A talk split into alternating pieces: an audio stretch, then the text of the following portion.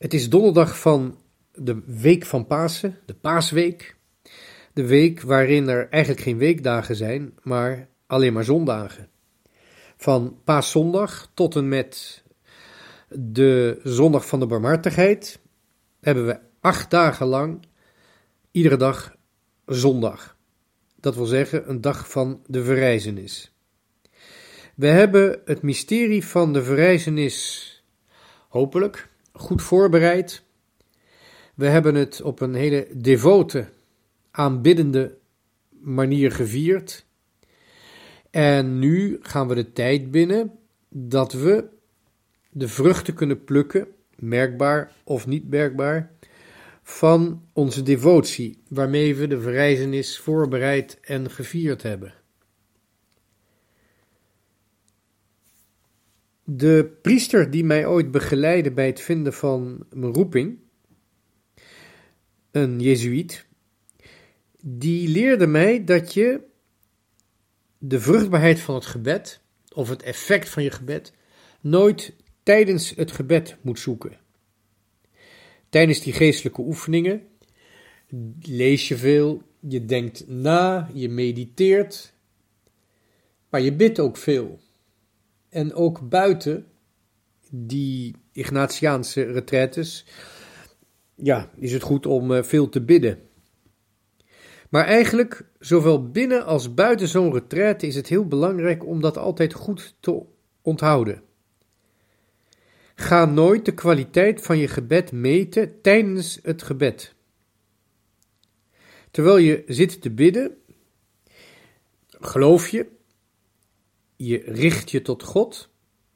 Je probeert je ziel aan God voor te leggen, als het ware op te heffen naar God. Maar de effecten daarvan kun je niet meten. Dat is heel geruststellend. En als je het tegendeel ervan beheers, beweert, namelijk dat je wel Gods ervaring moet hebben in het gebed, dat maakt het gebed eigenlijk tot een soort van examen. En het geestelijk leven wordt een dictatuur in plaats van dat het je vrij maakt. Als je namelijk de kwaliteit van je gebed zelf moet gaan meten en dan ook nog tijdens het gebed, ben je de hele, hele tijd bezig om jezelf te veroordelen. Ben je de hele tijd bezig om ja, steeds obsessiever te denken dat jij zelf God bent, omdat alleen God de kwaliteit van ons gebed kan meten. Als we dus denken dat we dat zelf kunnen, zitten we zelf, om het maar zo te zeggen, Godje te spelen. De kwaliteit van het gebed kun je nooit meten. Het is juist in de tijd erna, als je doorgaat met je leven, bijvoorbeeld door aan het werk te gaan, of de afwas te doen, of te koken, of gewoon een wandeling te maken. Pas daarna merk je iets van de gevolgen van je gebed. Of het een innerlijke rust geeft, of dat het je juist onrustig maakt. Er is wel degelijk iets te ervaren van de vruchten van het gebed.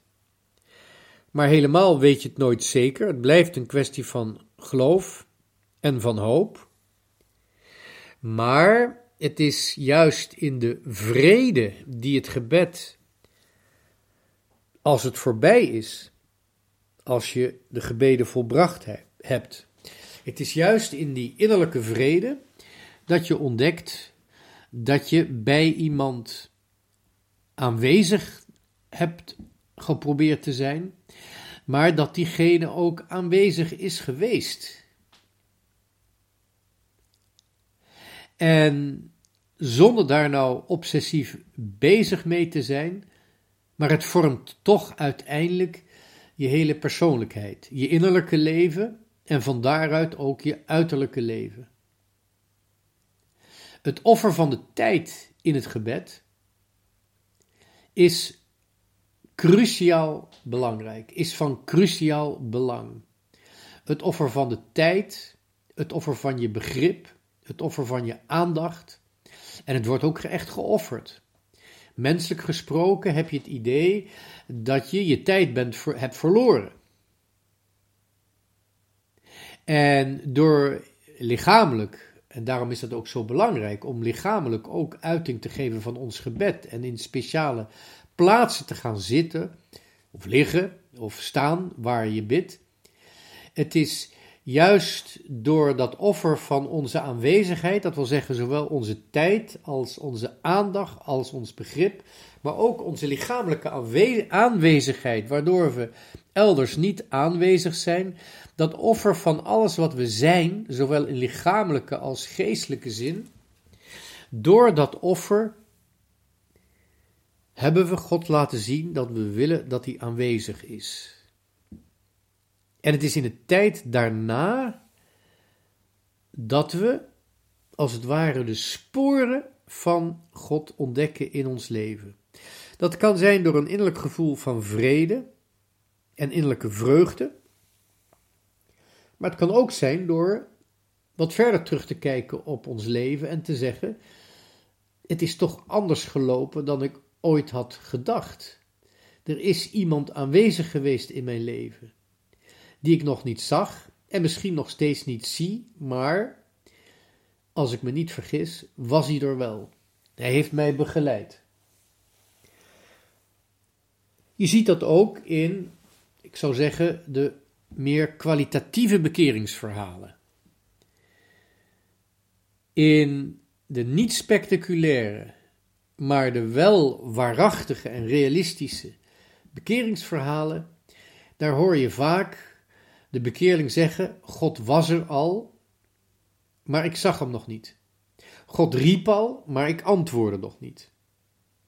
Of zoals de heilige Augustinus zegt: Als ik je gezocht heb, was dat omdat ik je eigenlijk al gevonden had. Of je zou zelfs kunnen zeggen, of omdat God Augustinus al gevonden had. Daarom begon hij hem te zoeken. De vrucht van het gebed is in de innerlijke vrede, die op een hele manier, manieren eh, gemanifesteerd kan worden, zoals met geduld, met wijsheid, met liefde voor de ander.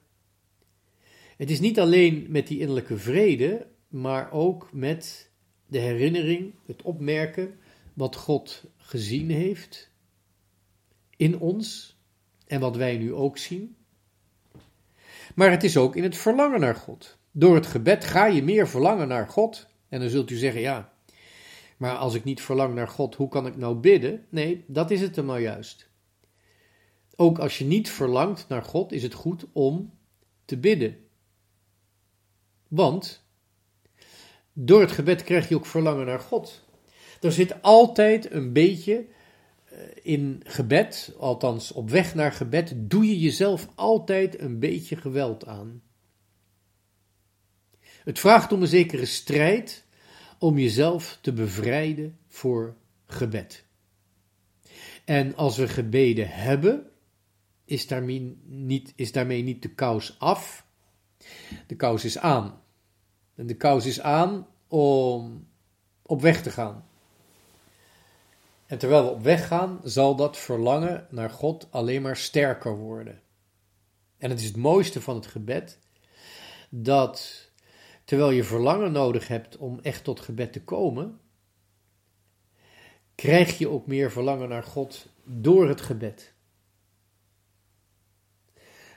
Maar nooit helemaal zonder strijd. En daarom is het ook nu mooi om deze week, wanneer we Pasen hebben gevierd en de verrijzenis aan het vieren zijn, aan het beleven zijn in ons devote leven, een plaats geven, om terug te kijken op een vaste tijd dat we ook offers gebracht hebben. Om terug te kijken op een tijd waarin we gevast hebben. Een tijd waarin we geofferd hebben. Van onze tijd, van onze aanwezigheid, van onze aandacht. Dat geeft gewoon een bevredigd gevoel als je ergens moeite voor hebt gedaan. Daarom benijd ik ook beslist niet de mensen die ehm, ja, eigenlijk maar één moment van de 40 dagen tijd hebben meegemaakt, of althans iets dat eraan vooraf gaat, namelijk carnaval. En die daarna niets meer aan de 40 dagen tijd hebben gedaan. Wat dat betreft zijn die carnavalsmissen een soort van, je zou kunnen zeggen, laatste communie. De mis wordt eigenlijk belachelijk gemaakt, zeker door de mensen die na uit bed te zijn gestapt met een kater van het carnaval niet het assenkruisje gaan halen. En over het algemeen, ik schat het zo in, ik kan het bij het verkeerde eind hebben, maar ik geloof dat er toch wel meer mensen carnaval vieren dan dat er op als woensdag in de kerk zitten. Toch benijd ik die mensen niet die niet in de kerk zitten. Want ze hebben dus ook niet dat bevredigend gevoel dat ze gefeest hebben voordat ze gevast hebben. En dat ze gevast hebben voordat ze de verrijzenis gevierd hebben. Er zit een heel gewoon ritme in ons leven van werken en uitrusten. Dit staat in het Oude Testament. Er is een tijd van oorlog en een tijd van vrede. En ook wanneer wij de hele tijd in vrede denken te leven en erg tevreden met onszelf zijn, zullen we toch ook moeten aanvaarden dat we met ons oude, sterfelijke ik de strijd moeten aanbinden. En het is onvermijdelijk dat als we dat hebben gedaan, dat we daar ook de vruchten van zullen plukken. Het kruis van Christus op Golgotha is de nieuwe boom van het leven geworden. De kennis van goed en kwaad was een boom die geen plaats had. Geen plaats in het paradijs. En de boom van het leven stond midden in het paradijs. Overigens, als je het verhaal van de zondeval leest, dan zie je dat Eva begint met die twee bomen door elkaar te halen. De boom van het leven staat in het midden van de tuin en de boom van kennis van goed en kwaad staat ergens anders, maar heeft eigenlijk geen eigen plaats. En Christus zet die boom van het leven, die zet hij opnieuw neer, door hem als het ware te enten op de boom van kennis van goed en kwaad. En hij plaatst die boom midden in de wereld, midden in ons leven. Want Christus heeft aan het kruis ook het kwaad gekend. Niet door te zondigen, maar door de gevolgen van het kwaad te ondervinden. En zo is die boom op Golgotha is onze levensboom geworden. Van de dood heeft Christus een toegang tot het eeuwige leven gemaakt. En wanneer wij dus zijn meegegaan met Christus in onze devotie, in ons gedenken van zijn kruisweg, komen we onvermijdelijk aan in die tuin, die ook weer verwijst naar het oorspronkelijke paradijs. Een tuin waar Adam en Eva zijn weggejaagd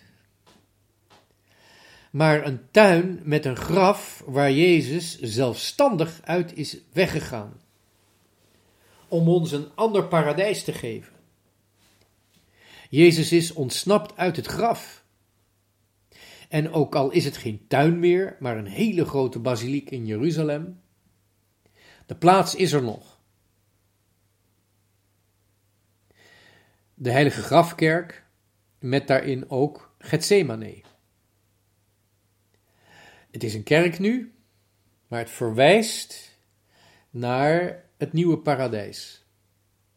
En wat dat betreft is het ook goed dat zowel Golgotha als het graf binnen één grote basiliek worden vereerd. Als de plek waar Christus gestorven is en hij voor ons verrezen is.